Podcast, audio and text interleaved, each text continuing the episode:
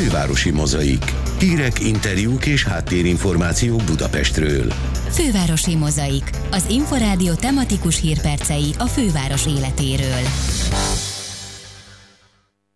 Különleges sportrendezvényekkel várják a kőbányaiakat és a kerületbe látogatókat szombaton délelőtt a részletekről Várkonyi Gyula kérdezte D. Kovács Róbertet, kőbánya polgármesterét.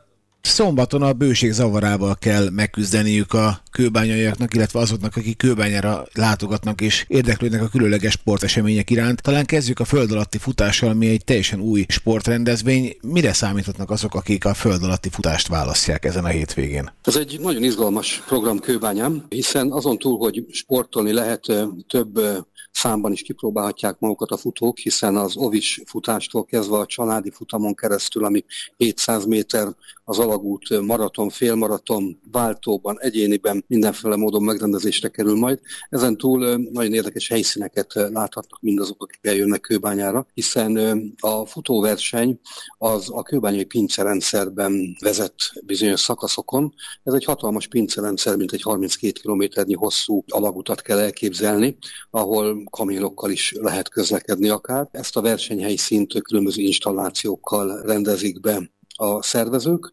de régi kőbányai sörgyáritelteket is érint a futóverseny útvonala, illetve kőbányai parkokban is vezet a félmaratonnak az útja. Úgyhogy egyszerre városismereti rendezvény ez, illetve egy nagyon izgalmas családi program futóverseny. A kedv csinálóban azt olvastam, hogy a diszkókorszak is megelevenedik, mire kell gondolnunk. Hát itt a, a föld alatt főként a, a pincerendszer különböző ágaiban különböző installációk, fényeffektusok szoktak megjelenni a hely hangulatának megfelelően.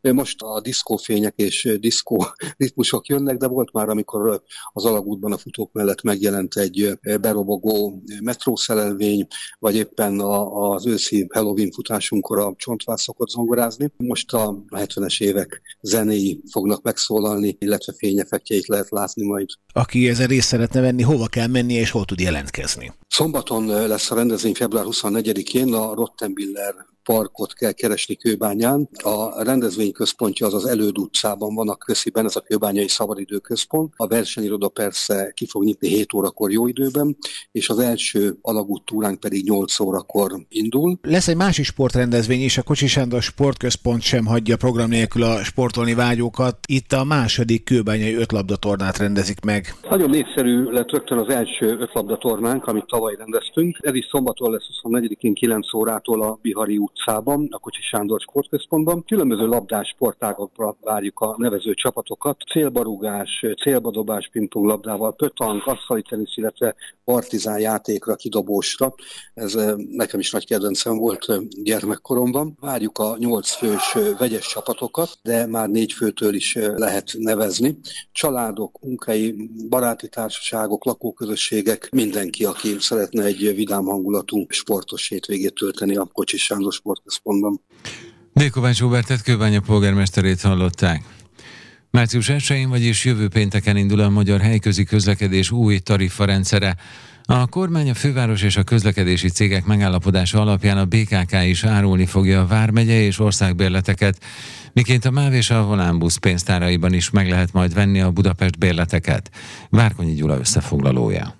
Jövő péntektől immár a BKK járatain is elfogadják a Pest vármegyei és az országbérleteket is. A Budapest bérlet pedig továbbra is érvényes lesz a MÁV, a HÍV és a Volánbusz járatain a főváros határain belül, ráadásul a korábbinál olcsóbban. A fővárosi közgyűlés jövő szerdán dönt a megállapodásról, de az új rendszerre való átállás technikai előkészületei már javában zajlanak. Erről Kis Ambrus általános főpolgármester helyettes adott tájékoztatást az Inforádiónak. Bármegye bérleteket árulni fogjuk, de az országbérletet is árulni fogjuk, minden csatornán ebben állapodtunk meg, mint ahogy a MÁV is árulni fogja mi termékünket. Ez nem kérdés, ebben folyamatosan munka és március 1 végezni fog a BKK ezzel. Én azt gondolom, hogy még talán előtte pár nappal is ugye fontos, hogy a jövő heti közgyűlés fogadja el azt a szerződést, amely a EKM, a főváros, a BKK és a MÁV, illetve cégei között, Volánbusz között kötődik, amely az utolsó pontot is rárakja erre a vitára, és végre lehet abban az új rendszerben használni kölcsönösen egymás közösségi közlekedési eszközeit. Ugye az automaták azok központiak, tehát igen, és szeretnénk, hogyha minden egyébként a Budapest Gón keresztül is elérhetőek legyenek, ennek a fejlesztése hamarosan lezárul, ez a pénztárakon keresztül is. Minden csatornán, minden módon. A legfontosabb tudnivalókról a Mávolán csoport a már mindenki számára elérhető www.újtarifa.hu weboldalon a tájékoztatást. A teljes áru vármegyebérlet 9450 forintba, a tanuló vármegyebérlet pedig 945 forintba kerül. Ha Pest vármegyére váltják meg, akkor ezt márciustól Budapesten a BKK járatain is elfogadják. Ugyanez vonatkozik az országbérletre is, amely 18.900 forintba, míg a tanuló országbérlet 1890 forintba kerül. A havi Budapest bérletára március 1-től 8950 forintra csökken, de az éves, illetve a negyedéves bérletek is olcsóbbak lesznek. Várkonyi Gyula, Inforádió 88,1. Önök a fővárosi mozaikot, az Inforádió tematikus hírperceit hallották a főváros életéről.